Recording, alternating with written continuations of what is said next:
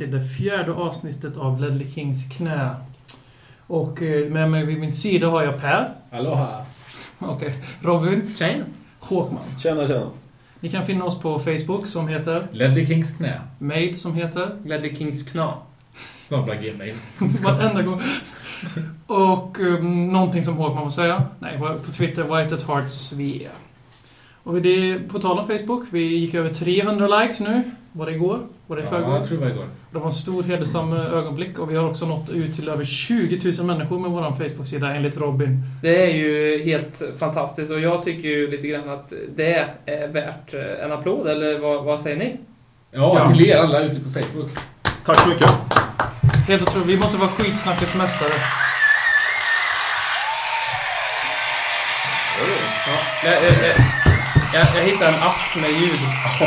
Ja, Det är, det är En gång till, en gång till. Specialeffekter, Encore. Nej. specialeffekter vi bara får i Ledley Kings knä. Och inte copyright-skyddade eller så. Och vi öppnar, det är för att vi öppnar balkongdörren här. Ja, precis. Det var alla våra fans där ute. Nej, men eh, vad ska vi göra då? Vi pratar om eh, vad som hänt sen sist. Ja. Och då börjar vi med Per igen. Jag tycker vi börjar med Robin, ja. Häromdagen på Twitter så började Magnus Hedman följa mig. Uh, Fotbollsmålvakten Magnus Hedman. Chelsea och AIK-profilen. Ja, jag undrar om du lyssnar AIK. här Magnus. Ja. Jag, jag, jag säger något riktigt elakt, men jag säger ingenting. Han kanske lyssnar. Han är ju snäll. Ja, du kanske vill komma hit Magnus och, och berätta lite om din, din tid i Coventry. Eh, och, och sen hur det gick när du blev utlånad till, till Celtic. Och, eh, Hur, du- om du trivdes i helvetes anus eh, hål hur, i hur, Chelsea. hur var det att spela i Chelsea? Mm, kanske vill komma hit och mm, Nu ska vi inte prata skit om Chelsea här, tycker jag. Eller Maggie Hedman. Låt Per Chelsea Frikebrant. Nej men det, det var häftigt. Sen så vi pratade ju sist om eh, vem den fulaste Tottenham-spelaren genom tiderna var. Eh, och eh, nu har jag utsett den, den finaste, rent mjuka världen, snällaste, den gosigaste. Eh, kanske är det snyggaste. Ja, men det här är alltså snällaste till personlighet sett. Håll i er, det är Brad Friedel. Ja. Good guy Brad. Eh, Motivering. Jo, det är så här att jag läste om att han eh, har gått i personlig konkurs för inte länge sedan. Det visste man inte. Nej, man Han eh, öppnade en fotbollsskola eh, i USA för unga eh, fotbollsspelare som skulle lära dem att spela fotboll men också få ut dem i Europa. Eh, och den gick i konkurs, så att han, han, han blev satt i personlig konkurs innan han kom till oss. Och då tänkte jag så här, han har jävligt bra attityd. Ehm, och, och det är liksom bara det han gjorde där, samtidigt som det här med Hugo Lloris. Hugo, när Hugo Lloris kom, att han Mm. stöttade honom. Mm. Så jag tycker vi utser Good Guy Brad eh, till eh, årets, eh, eller vad ska man säga, genom tiderna snällaste mm, Tottenhams profil. Det är därför han förlänger karriären kanske också. Kan bli hjälptränare för oss framöver. Var det Håkmans sätt att försöka säga att han bara gör det för pengarna? Brad Friedel är lite USAs svar på Azue Koto, på så sätt. Lol. Lol. Ja, nej, eh, som ni vet så det har varit en väldigt, väldigt tuff vecka för alla Tottenham-supportrar. Jag tycker det är skönt att träffa er här så att vi kan ha en liten eh, kollektiv terapisession här. Eh, Ja, är det tuffaste veckan sedan starten på den här säsongen? För jag tycker det. Jag vet inte ens tänka vad jag har, har ju förskjutit detta. Jag har inte bearbetat den här känslan sen fulla. Men eh, fulla matchen då så var ju första gången på ja, väldigt länge som jag var verkligen arg över Tottenham. Förutom alltså, Liverpool-matchen när vi släpper in två pissmål för att vi tror att vi är bättre än vad vi är. Ja, okej, jag köper det. Det händer, trötthet och så vidare. Och sen Inter, då vi spelar på resultat. Ja, det, Tottenham kan inte spela på resultat. Det, jag vet inte vad de tänkte där. Men det var ändå vi gick vidare så man glömde bort det. Sen kommer Fulham. Och vi spelar som eh, Djurgården i, i fotboll ungefär. Ungefär den nivån vi ligger på. Eller som vi när vi möter Norwich hemma för Ja. bara några månader sedan. Jo, jo, men eh, då hade vi precis en ny tränare, bla bla bla. Nu är liksom ändå satt sig allting med AVV. Och sen att se efter matchen när, spelarna går av och flera av dem ler och kramar om fulla och grattar dem till deras första seger på White Hart Lane på tio år eller vad det var. Och då brast det lite för... Så det var första gången på länge som jag, på första gången någonsin tror jag som jag önskade att spelarna skulle bli avbuade av planen, vilket de blev också. För man, man går fan inte och ler när man har förlorat på hemmaplan mot Fulham. Även om man möter Martin Jol och Dimitar Berbatov som helt plötsligt bestämde sig för att inte fira ett mål han gjorde mot Tottenham. För att han visste att det var slutet på vår Champions League-hopp. Eller? Han gjorde det ju Cristiano Ronaldo-style också, men går liksom att förlåt, förlåt, det var verkligen inte meningen. Och, Men jag skulle missa nästa gång. Ja. Det var som vi snackade om förut, att han, han hade ju inget problem med att fira mot oss när han var i United. Men, när jag han minns inte att han gjorde mål på oss. Men det, du sa i jag- eller Jag har har för mig han gjorde mål har i FA-cupen har när vi mötte dem. kanske? Han gjorde väl mål i Jag är ju gammal så det är mycket möjligt. Men jag vill minnas att han gjorde mål. Men det är kanske någon lyssnare ut som kan berätta Kanske vem han som har rätt har här. gjort mål på oss. Jag minns inte Men han, det. han kan ju ha firat om någon annan har gjort mål. Det har Ja. han Det borde han inte heller gjort. Då borde han också uppmana de andra United att inte ja. fira. Ja. Nej, jag, jag håller ju med dig där BM att det var... Bara en sån, alltså inte ens ilska utan bara stor besvikelse på spelarna. Visst, vi hade 130 minuter i benen efter vintermatchen. Så, jag menar, vi skulle inte ens sätta oss i den situationen nu från första början såklart. Men... Eh, Nej, ren jävla besvikelse alltså. För vi, vi hade två chanser på hela... Det var, som liksom, det var en sån jävla dålig fotbollsmatch. Den sämsta matchen jag sett på år och Jag dagar. satt faktiskt och spelade Candy Crush samtidigt och det, när Tottenham spelar fotboll då brukar jag vara ganska klistrad. Ja, det var, alltså, jag är ingen stor bandysupporter och när det var i 89 minuten och vi tryckte på och fick kvittering, då slog jag på bandyfinalen. Ja, det var mer och så var jag med på det typ. Så jag är riktigt jävla besviken. Men sen är det liksom, jag menar som sagt, det var en riktigt jävla dålig match. Vi, vi hade två chanser, Fulham hade en. Fulham har Berbatov och via Jermaine Defoe. Men hade liksom, de chanserna som, som Defoe får ska han ändå sätta. Mm. Så, Han hade satt dem också om han hade haft, om han hade varit den Defoe som vi hade i början av säsongen. Eller den Berbatov i Fulham. ja. Hans avslut var ju inte dåligt. Nej, det var ju det var en riktigt bra prestation av honom att, att göra det målet. Det Sen tycker ju- jag en, en känga som vi ska dela ut lite grann, det är till oss själva. Alltså vi pratade om det här för, för några poddar sedan. Hörni, nu kan vi bara säga så. För Men, menar du vi i det här rummet eller i, i Tottenham som klubb? I podden. Alltså, en, en, jag ska inte dela ut en känga till oss, men, men till fansen. För det... det, det, det, Vil- det Vilka blir så fans? mycket- Det jo, var ingen blir där så på White Lane. Nej, men det blir så mycket snack om att vi är Tottenham och vi förlorar allt på våren och sådär. Och vad händer? Vi förlorar en match mot Inter. Eh, och, men vi går ändå vidare. Och sen så kommer vi till White Hart Lane. Publiken är så jävla nervös. Där, senaste gången det var så tyst på White Hart Lane, det var exakt ett år sedan. Och det var när Fabrice Muamba eh, Mm. ramlade ihop och höll på att avlida. Då var det, då var det så här tyst. Ja. Och det var knäpptyst på arenan. Och jag tror en sån sak sätter sig direkt i, i spelarna. Okej, det, det blir en nervös liksom, känsla på hela stadion. Det är klart att vi snackar om att det sitter i väggarna. Ja, vi tar ut det på laget, men ja, det hade kanske varit en annan matchbild om vi hade stöttat lite mer. Nu säger jag vi, nu var inte jag där. Det är lätt att skylla. Ja, men stötta liksom. Jag tycker ändå att de, de gjorde, försökte ändå. Jag, jag tycker ändå att stämningen var jävligt bra i andra halvlek. Och jag tyckte ändå, jag tycker att det här är ingenting som vi kan eh, skylla på liksom eh, att fansen har liksom varit lite nervösa inför våren här eftersom att vi är Tottenham. Utan jag tycker att det är bara till 100% en riktig jävla pissinsats från våra spelare. Och, det, och dels också lite från, från AVB. För du var inne på det Håkman, vad var det förra avsnittet eller något? När vi snackade om att du skulle börja ifrågasätta eh, AVB Mm. rejält om det var så att vi åker till eh, Milano, ställer upp ett starkt lag, åker ur och så har vi trötta spelare till fulla matchen och förlorar den. Mm. Nu var det nästan så att vi faktiskt, vi skulle, vi förtjänade Vi förlorade ju mot Inter ordentligt. Ja, det får man precis. inte glömma bort. Psykologisk förlust mot Ja, Inter. och sen så kommer vi till fulla matchen och har den här startelvan som är den konstigaste startelvan jag sett på år idag. Vi har liksom Azoe Koto som offensiv mittfältare. Jag Mm. liksom, det, det finns ju så jävla... Alltså, om vi har Inter och Fulham inom loppet av, vad är det, tre dagar. Då ska fan Holtby starta. Vad, vad, vad, vad jag menar Holtby, han har ju förpassat till en jävla frysbox nu. Det roliga med det där är att eh, på tal om det här med att AVB ska ha lite kritik så han absolut har för emot inte. Då gick han i, jag vet inte vad han hade förväntat sig, men vi spelade någon typ av 4-4-2 med Moussa Dembele som högerytter slash inne höger central mittfältare. Jag vet inte vad han var ute efter där. Vi försökte anfalla längs vänsterkanten och så försökte vi få in den belen när eh, vi var på offensiva planen. Men det gick inte bra.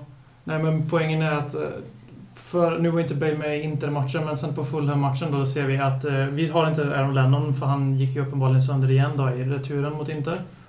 Och eh, då är det så här, då har vi en naturlig kantspelare i hela jävla laget. Och vad gör AVB då? Jo, då bestämmer han sig för att plisa Bales ego och låter han fortsätta spela som tia. Fortsätter tvinga Sigurdsson att spela ytter. Han är visst, han gör det okej där ute, men han är ingen ytter. Och så får, istället för att liksom bara sätta ut, alltså, som du sa, Ekoto Mm. som vänster-winger för första gången i hans karriär. Allt detta för att Bale ska få spela det Bale vill spela. Det finns ju ingen, det kan inte finnas någon... Jag har ingenting emot att Bale har en fri roll, för det har han gjort jävligt bra i perioder. Men att vi ska behöva flytta runt tre spelare ur sin naturliga position bara för att tillfredsställa Bale och täcka saknaden av Lennon. Mm. Och ändå inte ha någon naturlig ytter... ytter det, är helt, det är brutalt dåligt. Ja, det blir ju så också att det, där vi i ursprungsläget egentligen bara är svaga i en position, det blir, gör han ju till att vi blir helt plötsligt svaga i tre Det blir tre och en halv stjärnor istället Ja. för fyra och fem stjärnor på- Ja. om man ska prata FM-termer. Liksom. Det, det får inte vara så. Vi kan inte spela halva laget i position för att Gareth Bale ska få spela där han vill. Men är det så då, tror ni? Att Ja, han, att- tror ni inte skulle att han han... Tror inte att? Bale skulle ställa upp på vänsterytter? Alltså, Jo, Han självklart. hade gjort det, det är klart. Men jag, jag tror att... Han har inget att säga till om i det läget. Om AVB säger du spelar vänsterytter idag, då kan inte Bale bara nej, jag vägrar spela.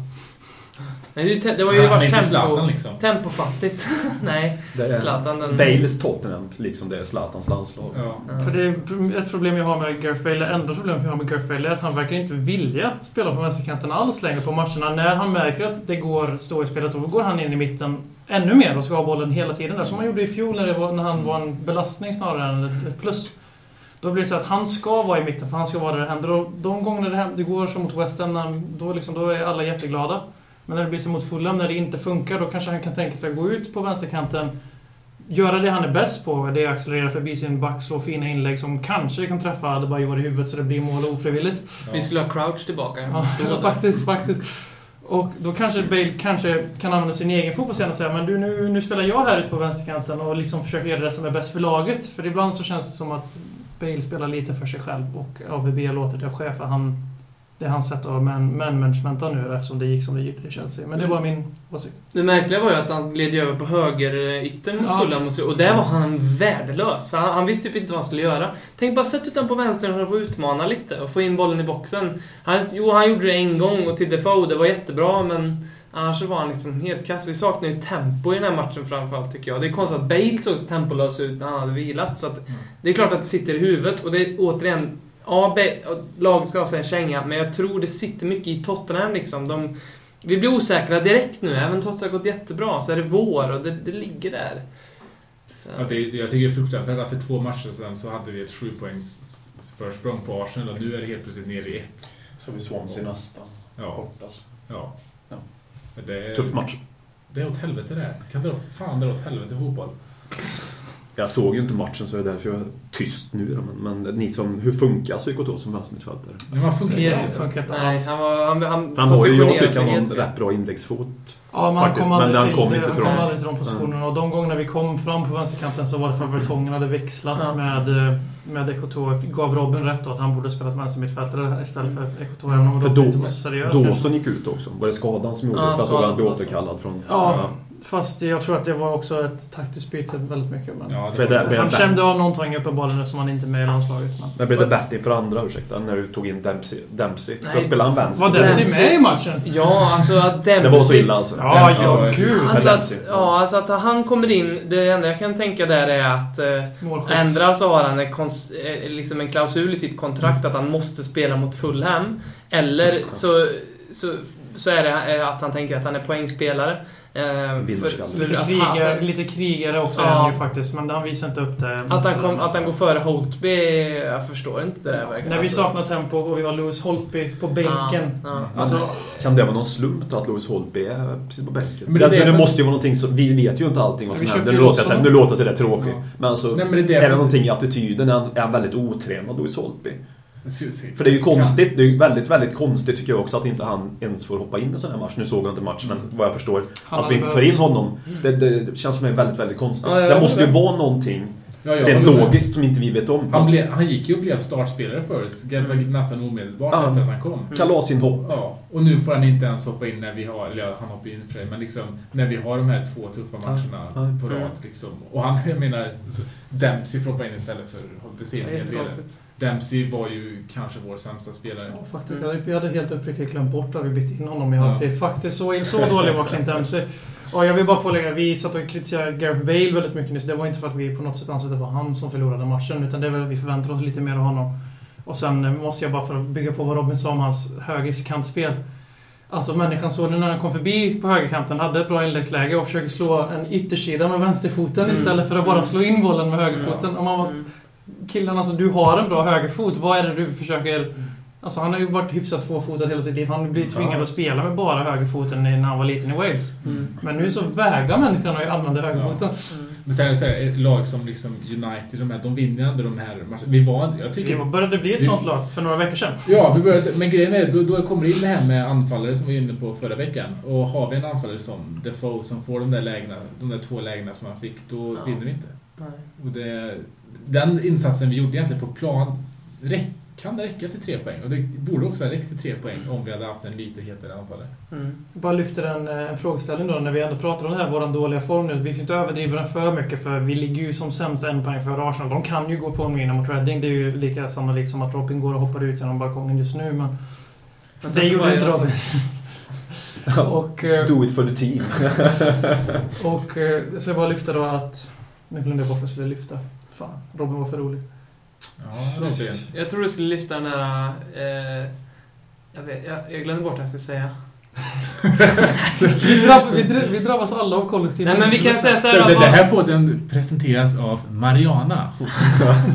Och Alzheimers-förbundet. Allt som växer från marken borde vara lagligt. Men eh, landslagsuppehållet då. Eh, Roger Larsson skrev på vår Facebook-sida. Hade vi vunnit mot Fulham hade man gått och myst under landslagsuppehållet. Nu vill man bara att nästa match spelas. Va, vad tycker ni? Är det bra med landslagsuppehåll nu eller inte? Kommer jävligt lägligt. Jag väntar inte på nästa match. Jag tycker det är skönt att få ett break. Alltså det gick lite dåligt att få ladda själv lite batterierna. Mm. Men Och ur fansens synpunkt ja, men vad tror ni om spelarna då? Är Nej, men jag, jag tror att det är bra för dem också. Nu är ju rätt... Hur, liksom, vad är det? 50% är väl borta. Vad gör annat 12 ändå? spelare, 12 spelare från 12 spelare borta, ja. När Dawson och Lennon har gått ur så... 12. Ja, så det är ju rätt många som är borta. Men jag tror att det kan vara kanske vara mentalt skönt för dem också att komma ifrån nu Mm. efter, två, efter en väldigt tung vecka. Mm. Tre Det, den, det enda jag oroar mig för är att Wales möter Skottland och att Charlie Adams är en jävla idiot. Mm. Så det är väl det som kan sätta käppar i hjulet för det här då. Men eh, annars tror jag att det kommer väldigt spikar i benet för Ja, Bale. spikar i benet. Jag brukar inte ha... Jag brukar inte... Landslag, jag har väldigt svårt att bli engagerad i landslagsuppehållen per se, som nu när Sverige spelar landslag. Men... eh, Det är, det, just nu kommer det vara ganska lägligt om man pratar i klyschor och sånt, men sen så tror jag att det finns nog en del spelare i laget som gärna hade velat gå ut, och Michael Dawson till exempel, hade nog gärna velat gå ut och spela match dagen efter Fulham och visa var skåpet ska stå. Mm. Men de flesta är, verkar vara lite på det hållet att de behöver nog komma bort nu och glömma bort Tottenham lite för att de är lite mentalt sköra, som hela klubben är. Mm. Mycket matcher, många minuter. Vi får hoppas att de inte får så många i landslaget då. Ja. Mm. Mm. Och nu kom jag på vad jag skulle lyfta. Så hur mycket av den här skulden, när vi pratade om anfallare, och att hade vi haft en riktig anfallare hade vi vunnit mot Fulham med 2-1. Mm. Och eh, hur mycket av skulden ska vi lägga på Daniel Levy om vi nu skulle missa fjärdeplatsen som ingen räknade med innan säsongen nästan. Men det var ju ändå vår målsättning och vi har haft den i egna händer, ja, sen... Fast Det- Livi kan ju Om det nu inte... går så. Defoe är ju en bra anfallare. Han har ju bevisat Ja, det- många gånger att han är en bra anfallare. Så att Livi... Ja, men jag, betoning jag- på jag- bra. Jag, vi jag behöver tycker- bättre än bra. Ja, vi visste redan i januari att han inte skulle räcka för oss den här säsongen liksom, för, att, för att ge oss en Champions League-plats. Mm. Men det, det känns ändå som att eh, AVB och Livi kanske satte upp ett mål innan säsongen som rör sig någonstans femma, Nej, sexa. de sa fjärdeplats. De har gått ut Ja, officiellt. Och men det, liksom, jag menar... Ja, det är, du menar att det är rökigt och vara... Ja, och liksom att där, där ligger budgeten också, att de inte alls försöker eh, röra sig eller komma, eller ja, nå över det här målet just för att de, de, de har en, en minimi, minimimål de ska nå och de försöker inte göra något extra för att, för att komma över det. Häske kanske finns på free transfer. Newcastle Ja. Jets. Nej men jag tänkte, har man femma, sexa som målsättning som det ser ut nu i Premier League, att det inte är fyra jätteklara top four som det var innan, så då tycker jag man lika gärna kan ha en topp fyra målsättning också. För oftast skiljer det sig ju inte mer än två, tre poäng mellan fjärde och femte lag numera. Mm. Så det är, väldigt, det är väldigt mycket tajtare än det var för fem, sex år sedan. Mm. Ehm, och jag ser väl att David Lee har ett väldigt stort ansvar till detta, om vi nu skulle missa fjärde. Eftersom det är andra januari-fönstret drar vi Ja, inte har exakt. köpt den anfallare vi behövt. Och, och han, han liksom, jag tycker David Levy gör, har inte så jättemycket koll på exakt vad men han gör det, han är väldigt bra ordförande med, med ekonomin. Och han sköter väldigt bra på det sättet. Men han har också blivit för mycket sportchef den sista Mm. tiden. Som jag upplever det i alla fall de senaste transferfönstren. Att han har varit inne och lockt in sig i väldigt många affärer. Moussa Dembele till exempel, det var en David Levy-värvning vad jag har förstått. Nu var inte det en dålig värvning, men det var en David Levy-värvning. Alltså han har gjort många sådana beslut på egen hand. Det är väl bättre, jag tycker vi... Antingen ska AVB sköta att han som är tränare det jag tycker man ska ha egentligen är en riktig sportchef som har kunskapen och bredden om detta. Absolut. Mm. Vi behöver en ny sportchef och det Så- behövs också för den långsiktiga utvecklingen av klubben. Ja, precis. Och Så det, vi- det, det är det vi går brist om, att det är väl Livi har blivit för stor för klubben som jag ser det lite Mm. grann. Alltså jag tycker inte att ta bort det, men jag tycker att kapa hans ansvarsområden. Fast jag tycker att vi inte har varit... Vi var inte bra när vi hade sportchef. Jag tycker det var många konstiga värvningar som kom. Absolut. Jag tyckte också att Komeli var inte eh, Nej, framgångsrik i många av dem han köpte. Men då kan vi Ja. ha att AVB får köpa dem. Jag tycker inte att David Livi ska ha den, eh, det nej. över fotboll. David Levi ska ha den ansvaret över fotboll. Ja. Det jag håller med. Ja, det tredje alternativet är det mest tilltalande. Det är att tränaren ska göra en lista med spelare. De här kan jag tänka mig, kan du inte få någon av de här spelarna då vill jag fan inte ha någon. Alltså, för Ja. det, är lite, det är lite så det känns med oss Mm. ibland. Att Mm. det blir så här att vi vill ha Moutinho, vi vill ha Gud, vi vill ha Kråkan utanför fönstret. Vi kunde inte landa någon av dem så då fick vi Dembele som jag är väldigt glad över att vi fick idag. Jag tror att han var ganska högt upp på AVBs lista också om jag ska vara helt ärlig som reserver. Men poängen är att vi, Dempsey kan vi säga, det är ett bättre exempel. Han var knappast eh, Mm. AVBs första val. Jag tror inte ens han ville ha Dempsey. Nej. Dempsey ringde ju säkert själv hela Ja. dagen så här. vi- Snälla köp me? mig. You want me? Han körde en Odemwinge tror jag. Och han har ändå varit helt okej Dempsey, men det var ju inte AVBs spelare. Han är ju inte... Han är Men- inte. Nej, Men, det- men det här med att ha liksom eh, en tränare som är sportchef, jag köper inte det riktigt för jag tycker att det blir alldeles för kortsiktigt. Fördelen med att ha en sportchef är att du har en tydlig linje som du kan hålla under en längre tid. Men man kan Och- dela upp då så att sportchefen får... Om man har en sportchef som köper, köper ungdomsspelare, det Ja, skulle vara... precis. Men skulle, skulle, du ha, liksom, skulle du ha liksom ABB som en general manager, jag menar hans jobb är ju att nå bra resultat och han bryr sig inte om hur han når dem. Det är Nej. klart att han blir lite mer oansvarig med pengarna. Medan om du har en sportchef så blir det lite mer Ja, långsiktigt och kanske också bättre för klubben. Mm. Ja, men det är det jag tycker Och att sportcheferna kanske inte kan lägga sig i det taktiska. De är kanske duktiga på att göra affärer och de har Mm. kontaktnät, de känner agenter. Och det tycker jag Daniel Levy är bra för. Därför jag tycker inte vi ska ha en sportchef. För att jag tycker att, som du säger här BM, VSBO ska komma liksom med sin önskelista, sätta upp på Livys kylskåp och ska säga de här ska du ha. Eller vill jag ha. Det är bara att kolla vilka vi värvar. Vi får inte bli för bortskämda. Det enda vi hade behövt var en anfallare. Vi, kan inte, vi får inte glömma bort att livkritiken är att, att Adebayor skulle underprestera så som han har gjort. Det var det nog få, inte ens de mest inbitna Arsenal-pajasarna som trodde. Mm. Och att Defoe skulle vara så bra som han var, tack gode gud, i första halvan var det nog inte många som trodde heller, förutom så här typiskt anglofiler som glorifierar allting som har med England att göra. Mm. Typ jag, jag älskar ju Defoe. Ja, Jag tycker fortfarande Men värd en han har chans. inte gjort mål sen Boxing Day, tror jag. Så det, vi liksom, det är inte bara Livis fel att våra två anfallare underpresterar, för det gör de nu. Och framförallt Adebayor. Vi får inte glömma bort att han har varit väldigt, väldigt dålig över hela säsongen. Ja, hade han bara gjort fem mål mer så hade vi kanske haft en eh, Ja. oerhört mycket bättre position i ligan än vad vi har nu. Vem var eran bästa mot Fulham då? Ja, Det, är fan, det, går inte ens det går inte att ta ut. Tom är Carroll? Ja, Tom. Tom Carroll enda, möjligtvis. Vertongen var inte så dålig. Nej, men sen, sen, om jag bara får lyfta en grej som var från den veckan som har varit så eh, får jag väl säga att jag hoppas att Gallas gjort sin sista match i Tottenham-tröjan. Ja, vi har ju inte pratat så mycket om Intermatchen, men herregud, Brad Fiedel och Gallas. Tyvärr, om vi ska vinna Europa League så är det dags att peta dem nu, AVB. Det är dags. Det ska bli intressant att se hur han ställer upp där. Han kommer spela med dem ändå. Han har Ja. lovat dem speltid, verkar det som. Så. Troligtvis. Ja, men det är ju ingen eh, jävla dagisverksamhet. Jag kan ju inte lova spel. Men Basel ju Hur för sig- ska vi slå vad om att vi åker ut mot Basel som utan tvekan var den lättaste lottningen vi kunde få i kvartsfinalen, så bara skrek om det. Ja. Hur mycket ska vi sätta på att vi åker ut Nej, mot dem? jag, jag spelar i nästa avsnitt naken. Vi kommer, vi spela med starkaste laget.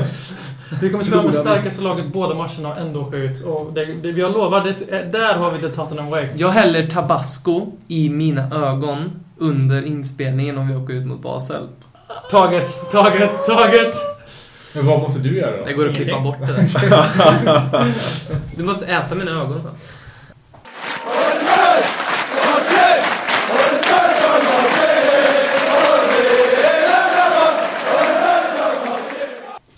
Hej och välkomna till Lelle Kings knä, avsnitt 4. Jag har fortfarande med mig Per som vill berätta lite om vår Facebook-sida. Den heter Lelle Kings knä, gå in och gilla den. Vi har redan 300 likes och vi... eh, Satsa på 500 före on nästa onsdag. Ja. Och vi Ja. fortsätter alla våra diskussioner från det här programmet på vår Facebook-sida, så det är väldigt Som roligt. en, alltid tillsammans, enade. Ja. Men eh, nu är det ganska historiskt ögonblick här för Ledley Kings knä, för vi ska nämligen ha vår första gäst någonsin i programmet. Och vi har valt ut en riktigt fin sådan som... Men eh, ordet går över till Robin, för han som har fixat detta. Jajamän, det stämmer att jag har fixat detta, min gode vän Alexander. Och eh, det är så att vi ska prata med Johan Sjöström, som har det mest prestigefyllda arbetet man kan ha om man håller på Tottenham och samtidigt bor i Sverige. Så nu ska vi ringa han via Skype här, eh, likt det dataproffs vi är. Får vi se ifall han svarar. Johan Sjöström. Tjena Johan! Det var gänget från Ledley Kings knä här.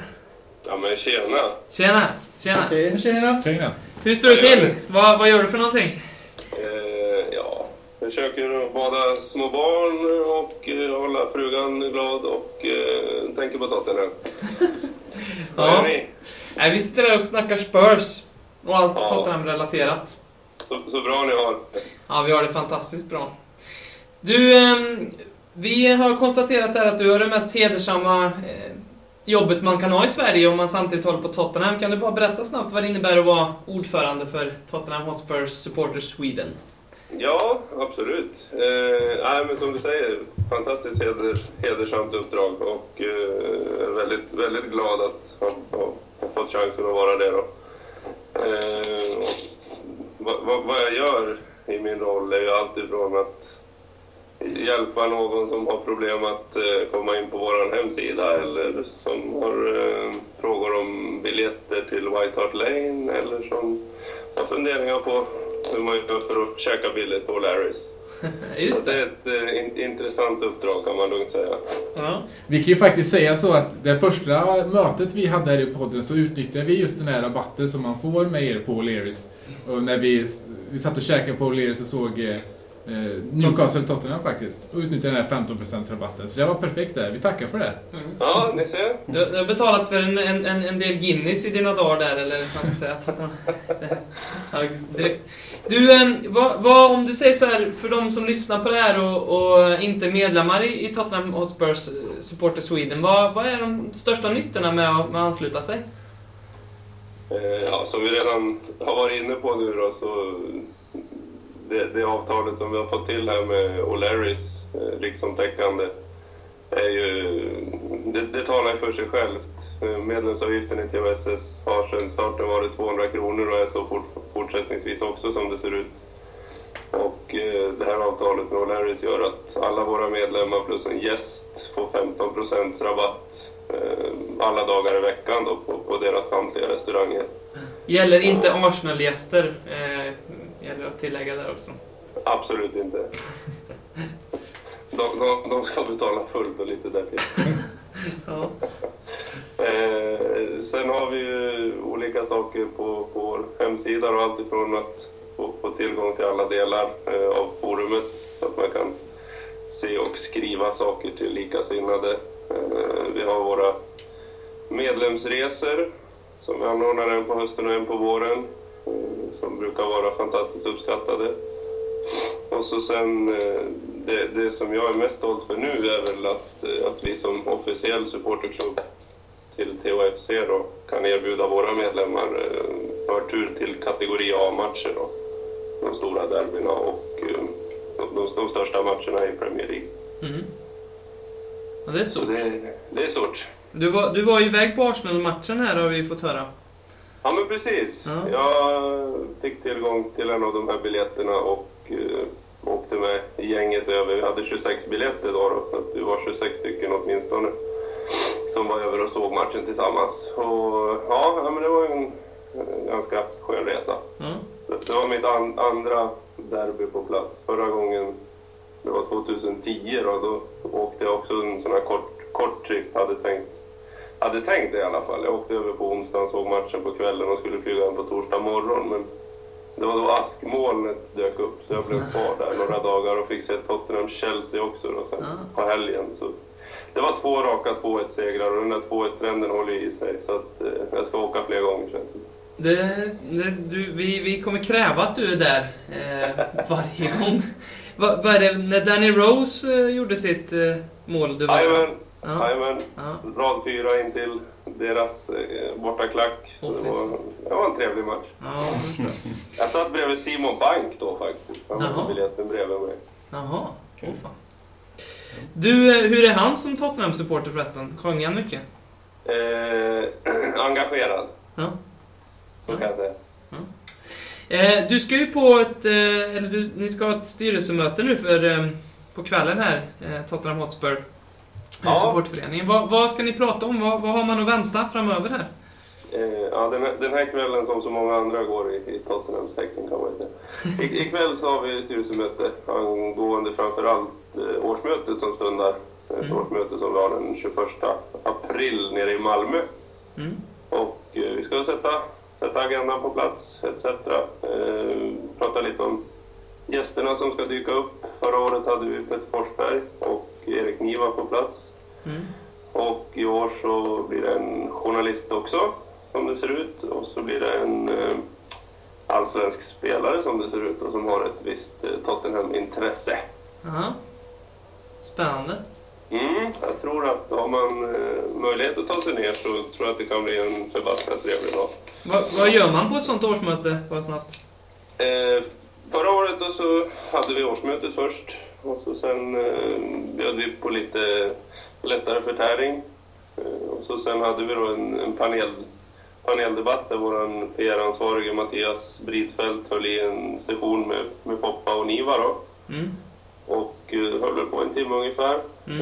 Eh, sen efter det så, så såg vi på match tillsammans. Så att eh, en, en riktigt härlig hel dag. Just det. 21 är det i år, det är mot City. Eh, Jajamän, det är då andra platsen ska säkras. Och, Det är bra. eh, ja, Ja. jag vågar inte säga ligatiteln för den har jag faktiskt gett upp. Vill inte jinxa ligatiteln. Precis. Ja, vad roligt då. Du, eh, som eh, avslutande ord här. eh, Vad, är, vad är ditt bästa Tottenham-minne? Eh, Eh, det är lätt att ta de, de senaste, så att, eh, men, men det får nog ändå bli den här resan när vi fastnade i, med, med askmolnet och blev kvar. Jag fick eh, sju nya vänner som är Tottenhamare och fick se Europa från både tåg och minibuss på vägen hem och så här. Så att, det, det minnet med två segrar på tre, tre dagar på White Hart Lane mot Londonrivalerna London-rivalerna och den resan i stort är, är mitt största minne. Mm. Det låter magiskt. Ja, det var magiskt. Ja, och så Johan, före vi avslutar här, om du bara skulle kunna säga till alla som lyssnar vart man hittar er och hur man kommer i kontakt med er så kanske det vore... Absolut. Eh, vi finns eh, i princip i alla sociala medier nu då, både på Facebook och eh, på Twitter och på Instagram. Och sen har vi då såklart vår hemsida då, som heter www.tottenhamhotspur.se. Och där finns egentligen all information som, som man kan tänkas behöva för att komma i kontakt med oss på ett eller annat vis. Så att eh, känner ni inte till oss så sök upp oss och ställ frågor. Vi finns här eh, nästan dygnet runt till er. Mm. Grymt. Ja. Jag vill också passa på att tacka så mycket för det arbetet som ni lägger ner i organisationen och gör det både enklare men framförallt roligare att vara Tottenham-supporter i Sverige. Ni ska ha stor eloge för det. Ja, jag tacka både för min egen och, och säkerligen styrelsen och alla andra eh, legender som ställer upp eh, med allt ifrån medlemsutskick till eh, paketering av webbshopsmaterial etc. var helt ideellt. Så att, eh, vi, vi tackar för det. Och tack till er för det här roliga inslaget som ni nu har kommit upp med för att sprida, sprida budskapet om vårt fantastiska lag. Så att, grymt kul. Mm. Tack för det. Hälsa styrelsen så mycket. Eh, vi tackar så mycket för att ha pratat med, med Sveriges svar på Daniel Levy, Jo- Johan Sjöström i, i Tottenham Hotspurs svenska Nästan, supporterförening. nästan lika snål. Nästan lika så. Du, eh, gott, stort tack ska du ha. Ha det gott. Tack detsamma. Tack så Hej. mycket. Hej, hej.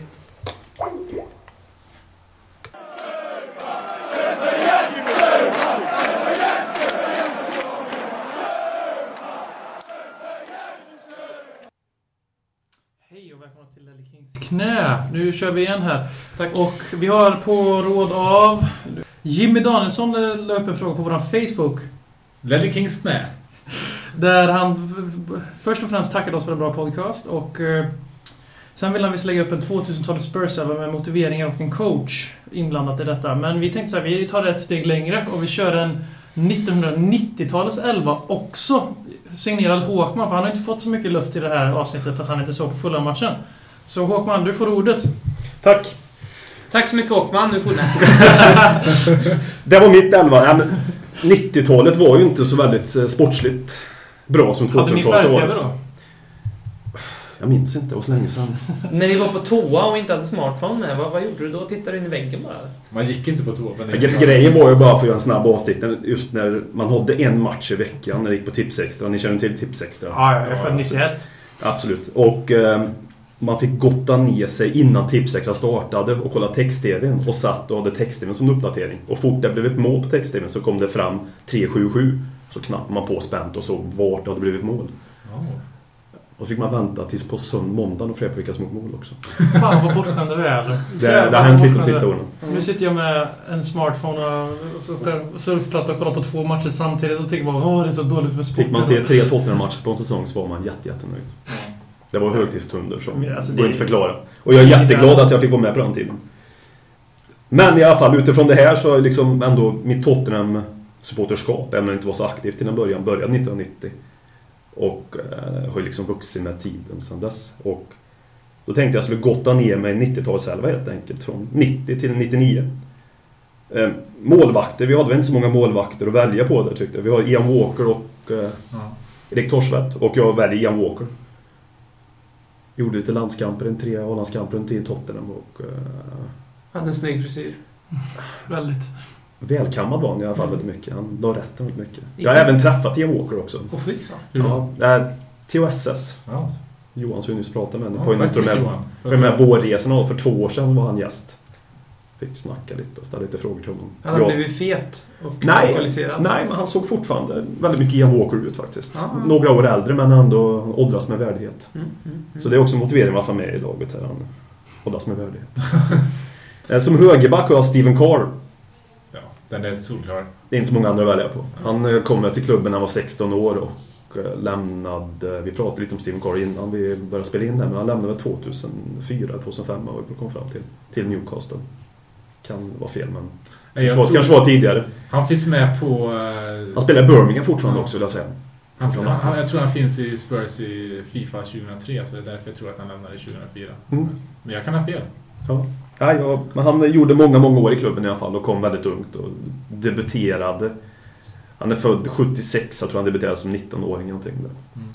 Eh, mittbackarna, eh, Colin Calderwood och Gary Mabbott. Usch, vad skönt att du inte körde en Campbell där. Han var inte ens påtänkt. Han, han, är- han finns inte kvar i min historia.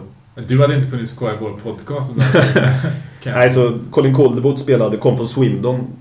Kom till Tottenham 93 har jag för mig han kom.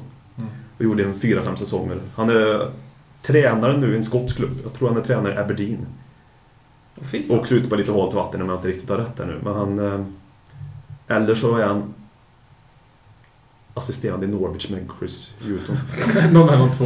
Norwich eller Aberdeen är han. Potato potato liksom. Ja, men, och så Gary Mabbott som jag sa, det är ju, solklar. Eh, våran... Eh, eller min största kapten under min Tottenham-tid i alla fall. Mm. Många, många, många år i Tottenham. Kuriosa, så det här programmet heter ju Ledley Kings knä. Lite inspirerat av att Coventry eh, har ett fan, eller deras... Eh, spe, innan varje match, vad heter det? Matchprogram. Matchprogram. Deras matchprogram heter eh, Gary Mabbotts Mabbotts Knee.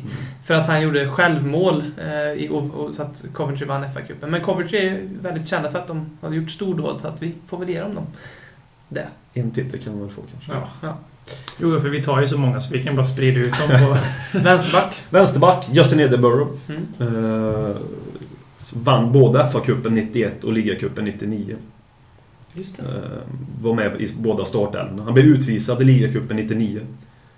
Eh, när Robbie Savage filmade till sig ett rött kort på Justin Edinburgh. Som han också har erkänt i efterhand. Robbie Savage. Och bett om ursäkt för det också tydligen, till Justin Edinburgh. Jag sa ju det för vad var det förra avsnittet eller någonting att Robbie Savage är min största favoritspelare utanför Tottenham. Mm. Omvärdering.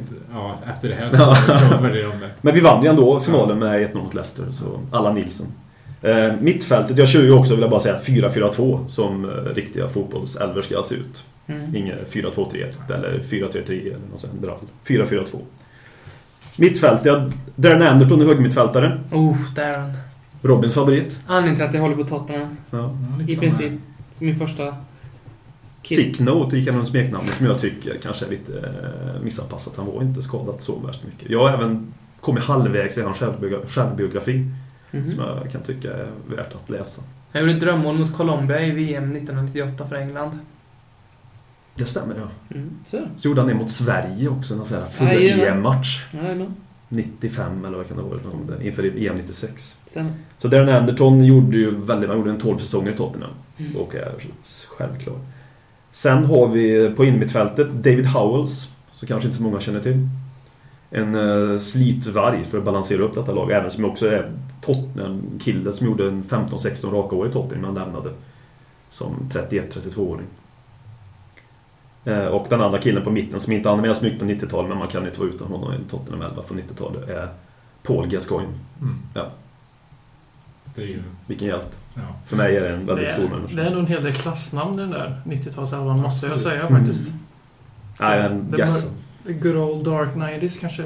Ja men det här är ju liksom när man samlar ihop. Sen kan man ju gå in och kolla olika album. När man ser Ni- Nicola Berti, Musa Saib och uh, spelarna som var där en sväng. Och så när vi hade Christian Gross som tränare. också. Ruel Fox.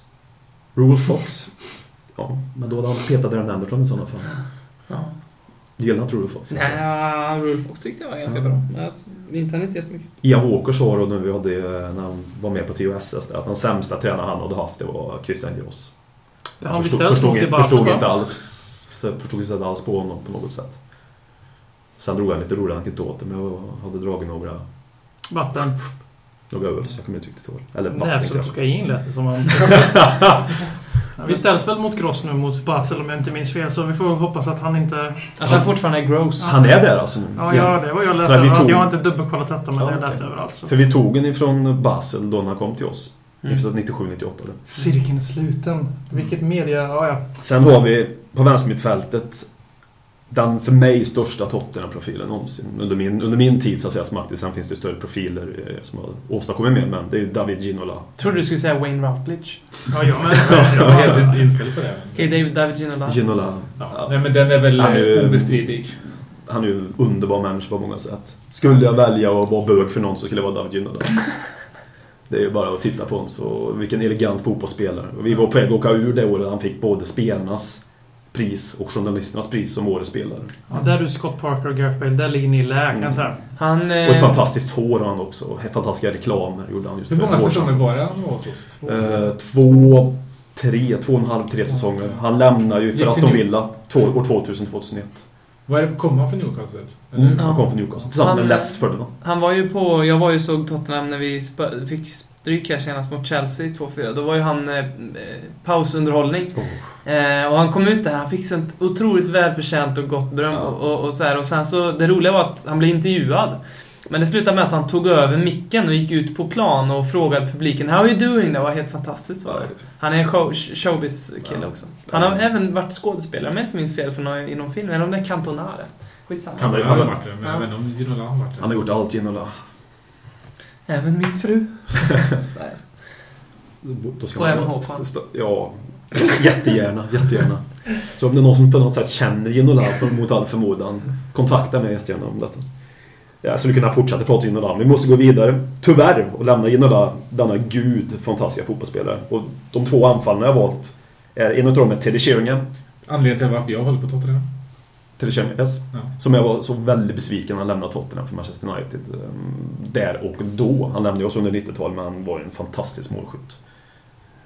Bara enligt, eh, enligt Wikipedia så har tydligen så tränade Gross eh, Basel tio år efter han fick sparken av Tottenham. Så han är tydligen inte kvar där alls.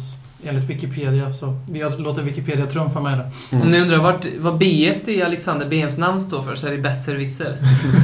Jag var ju tvungen att rätta mig själv. Men, och M är ett upp och ner med en W. Teddy Sheringham. Mm. Fin, fin, fin, fin, fin anfallare. Och uh, spelade väl tills han var 40 år. Avslutade väl i... Spelade i West Ham. Han spelade i. Eller så var det Portsmouth han avslutade. Jag tror det var West Ham han avslutade i. Mm. Ska vi inte ge dem mer airtime? Och eh, sista anfallaren är en av mina, en av också mina stora barndomsidoler. Eh, och var det när vi fick, en, eller fick köpte honom. Jürgen Klinsmann. Mm. Som bara har gjort i en och en halv säsong hos oss.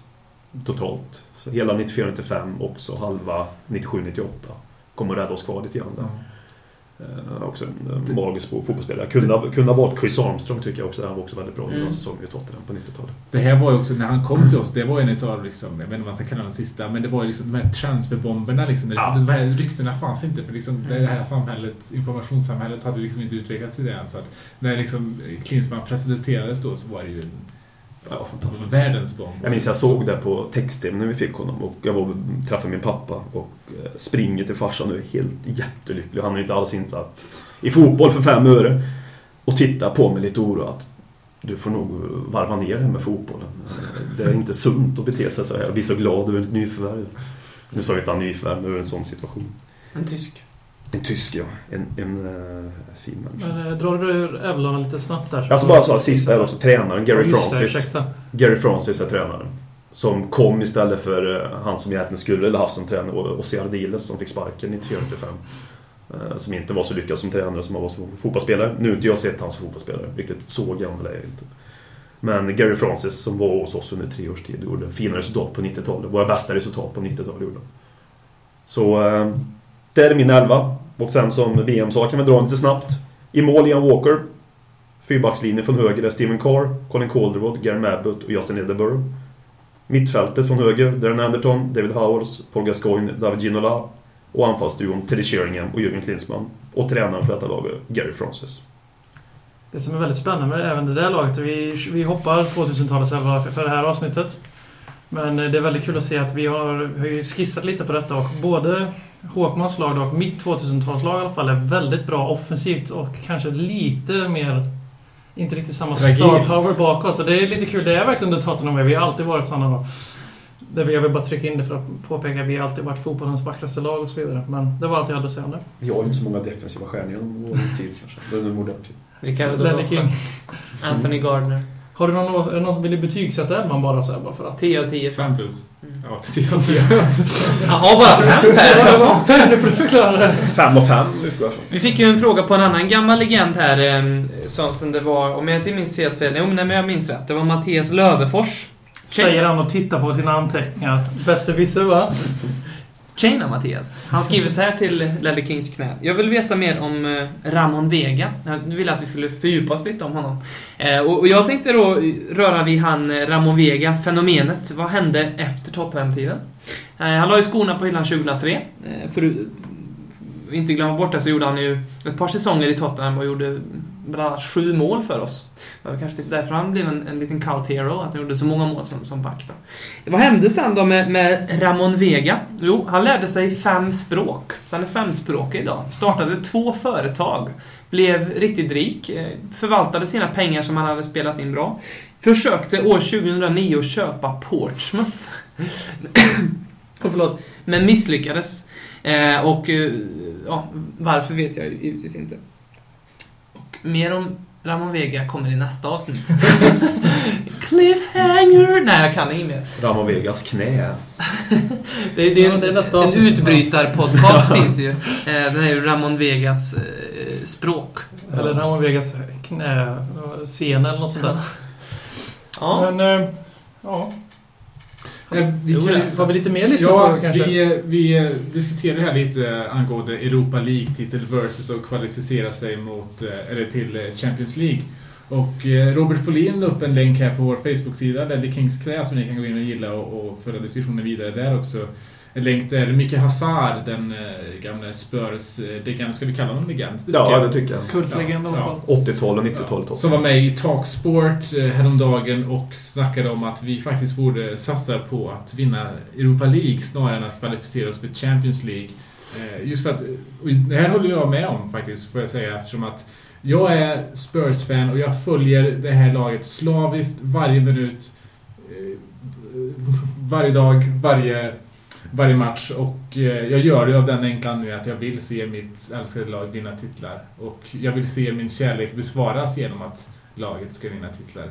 Och givetvis, rent ekonomiskt så är det ju inte försvarbart att satsa på Europa League istället för Champions League. Men jag tycker ändå att eh, det skickar rätt signaler om att vi ska vara ett vinnande lag och inte vara lika fittiga som Arsenal som bara går runt och försöker kvalificera sig för CL år efter år för att få in mesta möjliga kapital. Men du vet ju att det är deras substitut från den tiden de var titeljagande lag. Det är därför Wenger har gjort en egen trofé som han har snickrat själv med sina småpojkar. Som det står fyra Som det står så här, fjärde platsen. Och det är den, om de nu kommer före oss år också, kommer ni se Wilshere bara Yes! Titta på den här! Oj, ja! En handgjord buckla på, om fjärdeplatsen. Mm. Men det är ju så här, vi, vi slängde ut det här som en omröstning eh, också. Eh, och det här är ju en vattendelare. Eh, 19 personer... 20. 20. Förlåt Per. Alltså, 20 personer tycker att vi ska ta Champions League-plats i ligan eh, istället för Föredrar. Europa League. Ja, föredrar kan man säga. Jag tror inte de här personerna skulle gråta blod ifall vi tog båda två, men om vi skulle satsa på en sak.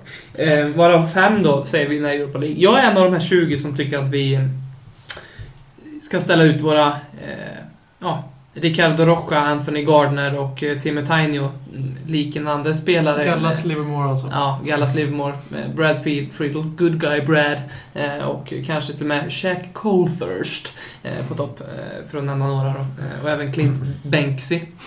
Jag gillar för övrigt hur du uttalar Jack Colthurst och inte Colthurst som vara. Du är ju engelsman så du borde ju kunna det där Robin. Ja, det borde jag lite, faktiskt. lite besviken på det där. Ja, men det, jag gillar även att du går till personangrepp eh, eftersom att jag bara sa min åsikt här. Men eh, eh, jag, tycker vi ska, jag tycker vi ska ta Champions League-platsen före Europa League. Och om tre år, eh, när vi. Populist. När vi, om tre år, för vi, vi har ju inte någon realistisk chans att ta Europa League-guld två år i rad och så missar vi Champions League så förlorar vi Bale, eh, det kanske vi gör ändå i och för sig, men, men vi förlorar kanske några andra spelare, vi får inte pengarna och så kanske vi harvas ner igen. Vi kanske hamnar, ja, vi slåss om sjätteplatsen igen. Jag tror det är en, ett massivt det, det är kort, för kortsiktigt att tänka guld i Europa League eh, och tappa Champions League. Tänker vi långsiktigt, de pengarna vi får, då är vi där igen och vi får en chans. Okej, vi fucked it up last time eh, och hamnar ner ett tag, men, men det, det, det är viktigt att vi är där eh, i, i Champions League. Så det är därför jag tycker att vi ska slänga in skrotet. Har du någon åsikt om detta, Hå- Håkman? Alltså jag håller med. Jag tror också Champions League. Eh, Just för han eh, copycatar det lite grann. Att det finns en risk ifall vi missar Champions League att vi kan bli, inte så illa, men det kan bli lite Aston Villa över oss. Att vi kommer i en dålig spiral och vi börjar tappa våra spelare. Och den enda spelaren som jag ser som vi kan tappa till nästa säsong, det kan vi göra oavsett, men det är ju liksom eh, Gareth Bale. Ehm, och vi kan komma i en ond spiral. Vi liksom, det, det är den spiralen jag inte vill vi ska hamna i. Och För, och, och, för det första så vill jag säga att jag tror inte att Gareth Bale kommer att lämna oavsett hur det går den här säsongen. Men om vi ändå ska snacka om Eh, eller först kan jag väl säga att liksom, jag tycker inte att vi över en hel säsong ska säga att jo, men i i år ska vi satsa på Europa League där vi ska vinna. Men när vi är i den situationen vi är nu. Vi, har, vi är i kvartsfinal, vi har en drömlottning mot Basel där vi ska gå vidare. Chelsea som jag tycker är det enda laget i, kvar i Europa League som är bättre än oss har ett väldigt tufft schema. De måste åka till Ryssland och de, de vad har de en sex matcher under 16 dagar eller något sånt där. Otroligt tufft schema. Men om vi kommer rent ekonomiskt, som jag sa, det är, ekonomiskt, det är inte ekonomiskt försvarbart att satsa på Europa League istället för en Champions League-kvalificering. Men vi får ju komma ihåg att inför nästa säsong så har vi det extremt lukrativa TV-avtalet på 5 miljarder som kommer att eh, betalas ut eh, ja, till oss också. Förhoppningsvis ganska mycket med tanke på hur vi kommer placera oss i ligan. Och det kommer väga upp de här eh, eventuella ekonomiska förlusterna som vi går miste om ifall vi eh, inte går till Champions League. Så att jag tycker att det är faktiskt eh, försvarbart att satsa på Europa League i det här läget. Sen så vill jag skjuta in den historiska aspekten också. Att om eh, hundra 100 år när de kollar hur Tottenham var som klubb, då kommer de inte bry sig skit om vi var med i Champions League två gånger eller, eller en eller femton. Det kommer vara, ja titta Tottenham har så här många titlar. Det är bara att titta på alla platssupportrars lager då. Men eh, det är ju titlar som gäller också. Och sen är det så att säga att Tottenham inte kan attrahera några spelare för att vi blir femma i ligan men vinner Europa League. Men, och sen när vi blir fyra och inte ens kvalar in till Champions League som i fjol. Vi är faktiskt fyra i fjol också. Om folk har glömt bort att vi har faktiskt egentligen kvalificerat oss för Champions League två av de gångerna de senaste tre åren. Det är inte vårt fel att de inte vet hur man ska sköta sitt regelverk. Och det är ju spiralen som hände då, så den borde ju redan ha börjat hända när vi missar Champions League året efter vi var med i Champions League. Men det enda som har hänt sedan dess är att vi har vi har ett bättre lag med större namn i. Möjligtvis att man kan diskutera, vi förlorade Luka Modric, absolut, men vi har ersatt Luka Modric med Loris och Vertongen och Lloris har varit väldigt bra på innermittfältet där. Ja, men alltså i Star Power. Jag skulle säga att Hugo Lloris är en större respekterad fotbollsspelare i Europa än vad Luka Modric är. I alla fall före han kanske började göra mål för Real Madrid nu det senaste. Så riktigt här, jag tror att den här mytbilden av att topp 4 är så jäkla viktigt för spelare och sånt. Jag tror, alltså det, det är bara skitsnack. Allting handlar om pengar. Skulle vi säga till Gareth Bale, men du Bale, du har kontrakt till 2016 redan, du har ett nyfött barn. Du får vara superstjärnan i Tottenham som du verkar må väldigt bra av. Du kan inte flytta om inte vi tillåter dig att flytta, men här får du en löneförökning bara för att. Då tror inte jag att han kommer vara nej vi blir bara femma så jag, jag vägrar. Jag tänker, sitta och, jag tänker sitta av mitt kontrakt i tre år nu. Så jag tycker vi ska gå för titeln. Framförallt som Per sa, att vi är redan i kvartsfinal. Vi har en rimlig chans att gå till semi.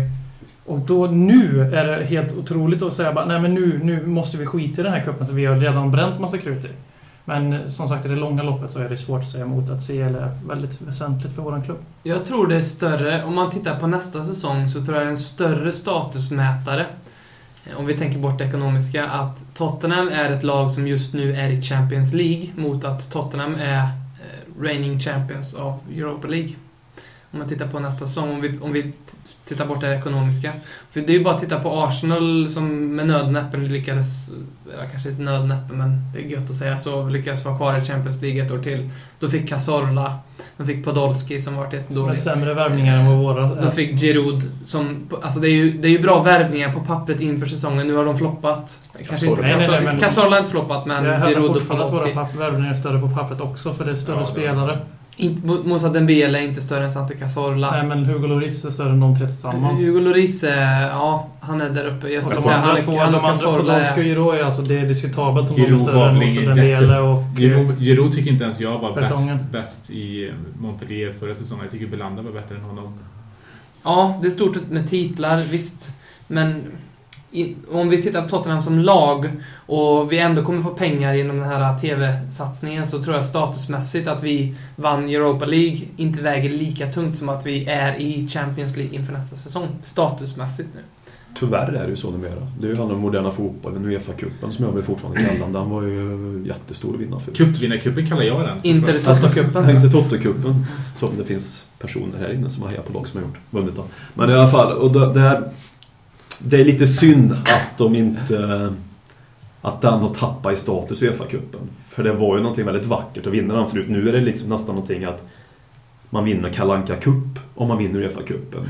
Bland vissa supportrar som är på lag som är ännu större, fram, eh, större framgångsrika. Eh, Barcelona, Real och det här smuts, smutslagen där ute. Skrota Europa Jag, jag tycker ju ändå att, jag menar... Ja, det finns ju en sån tanke. Det, det finns ju en sån tanke. Liksom.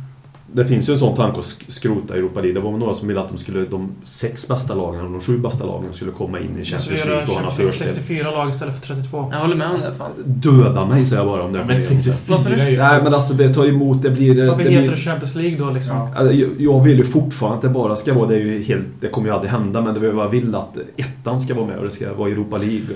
Men, men det, det, funkar ju tyvärr inte så länge. Det går ju liksom inte att drömma sig tillbaka till gamla 80-tal och 90-talet. Men jag tycker att, ja. Ja. Jag, jag, tycker ju att eh, Atletico Madrid har rent statusmässigt höjt sig till en ny nivå i och med att de vann Europa League. Tycker jag. Ja, Därför skulle jag vilja sålla mig till den skåran. Men det, det, hänger nog också ihop med att de har gått bra i La Liga också. Hade de till exempel legat på tionde plats i år, att de vann Europa League förra året och sen ligger tio år, då hade det nog inte gjort någon större påverkan. Men nu ligger de, då är de ju tvåa nästa säsong i La Liga. Det tror jag hjälpt till att de har höjt sin status och att de jo, har så självspelare som Falcao. Det är samma som Malaga. De kommer ju aldrig med de, de, de, de, är med i Champions League. Hade de inte varit det i år hade det varit förrädiskt för dem. Mm. Nu har inte de vunnit Europa League, men de har status i och med Det är förrädiskt för dem ändå, för att de får inte vara med i Europa i fortsättningen. På grund av ekonomisk trassel. Så. Tillräckligt så små för att få enda dans. Så det, men det, jag förstår era argument, men det, det har hoppet om att klubbar som Real Madrid och Barcelona ser ner på Europa League det kan vi stryka direkt för vi får ju ha lite verklighetsuppfattning om Tottenhams status som klubb redan nu. Men sen alltså, det går inte att säga emot Champions League bland supportrarna. I alla fall i Sverige. Sen är det säkert så i majoriteten av världen. Men i Sverige är ju Champions League brutalt mycket större. Det är bara att kolla på vilken kanal som sänder vilken turnering. Men eh, sen så tror jag faktiskt inte, om jag så vet, att i vad jag utläser från Twitter, som jag nästan bara har interagerat med britter, så är titlar är väldigt mycket viktigare i, i England än vad det är här i Sverige. För här i Sverige är vi fast i den här pumpningen som vi får av svensk media. För svensk media skiter i vilka som vinner FA-cupen. Men eh, eh, då, blir vi, vi blir tvångsmatade här i Sverige med att det är bara, Champions League, fjärde plats är bättre än en titel eller någonting. Och det är, bara, det är bara fel att tänka så. Det är tråkigt att det är så, men det går inte att säga emot. Tyvärr Robin, du har fel. Nej, jag tycker inte Jag tycker jag, tycker jag har rätt ja. Det, det är vi överens. Vi är inte överens med allt, men just det är vi överens att vi ska satsa på Champions League. Ja, ni, Men, ni, alltså, ni, I ni kan första hand, jag, jag ska säga, ja, det är en rangordning för mig. Första hand så är det att vinna ligan. Det är störst. Ja. på andra plats Champions League. På tredje plats Europa League. Därför tycker jag att man kan offra Europa League för att istället kunna... Okej, vi har ingen realistisk chans att vinna Champions League. Men det är ett, vi måste... Första steget är att vara med där. Mm. Och det är det som är min liksom, tanke. Men, men en fördel är att bara säga att komma till final. Du får komma till Amsterdam. Mm. Mm. Mm. Jag får dra dit och... Jag, jag säger inget mer. Ni kan följa det här snacket. Vi kommer fortsätta i eh, Ledley Kings knä extra som sänds på grannkanalen. På TV4 Eller så kan ni göra det på vår Facebook som heter... Ledley Kings knä. Vi finns numera också på iTunes, eh, vi finns på Soundcloud och givetvis också svenska fans. Så vill ni oss någonting så är det bara att ni eh, hör av er till oss på någon av de eh, två medierna eller... Ringer Robins hemnummer som är... Jag har inte det, men jag skulle vilja ha mer följare på Instagram. Så, Person. At Robin Privat. Bronsfield på Instagram. At Freakybrand. Ja, Eh, men Twitter kan skriva till oss också på. Då är det svenska fans Twitter som är White at Heart. Det är absolut inget rasistiskt namn utan det eh, spelar på White Hart Lane. Ja. Och det är inte heller något rasistiskt, Nej. White Hart Lane, utan det spelar på att eh, vi spelar i vita tröjor och att liksom Hart och ja, att det, det, jag har grävt mig en grop här som jag inte kan ta mig upp. Ja. Ja. Men vi, Och det, är, det har inget med ljudhat att göra, utan det, Ja, alltså, alltså, vi, mm, vi, vi hörs igen nästa vecka. Det är landslagsuppehåll med Lelle Kings knä. Vi tar aldrig en paus. Vi hörs igen nästa Förutom vecka. hela somrarna. Förutom hela sommaren. Ha det fint. Hej. Hej. Ciao.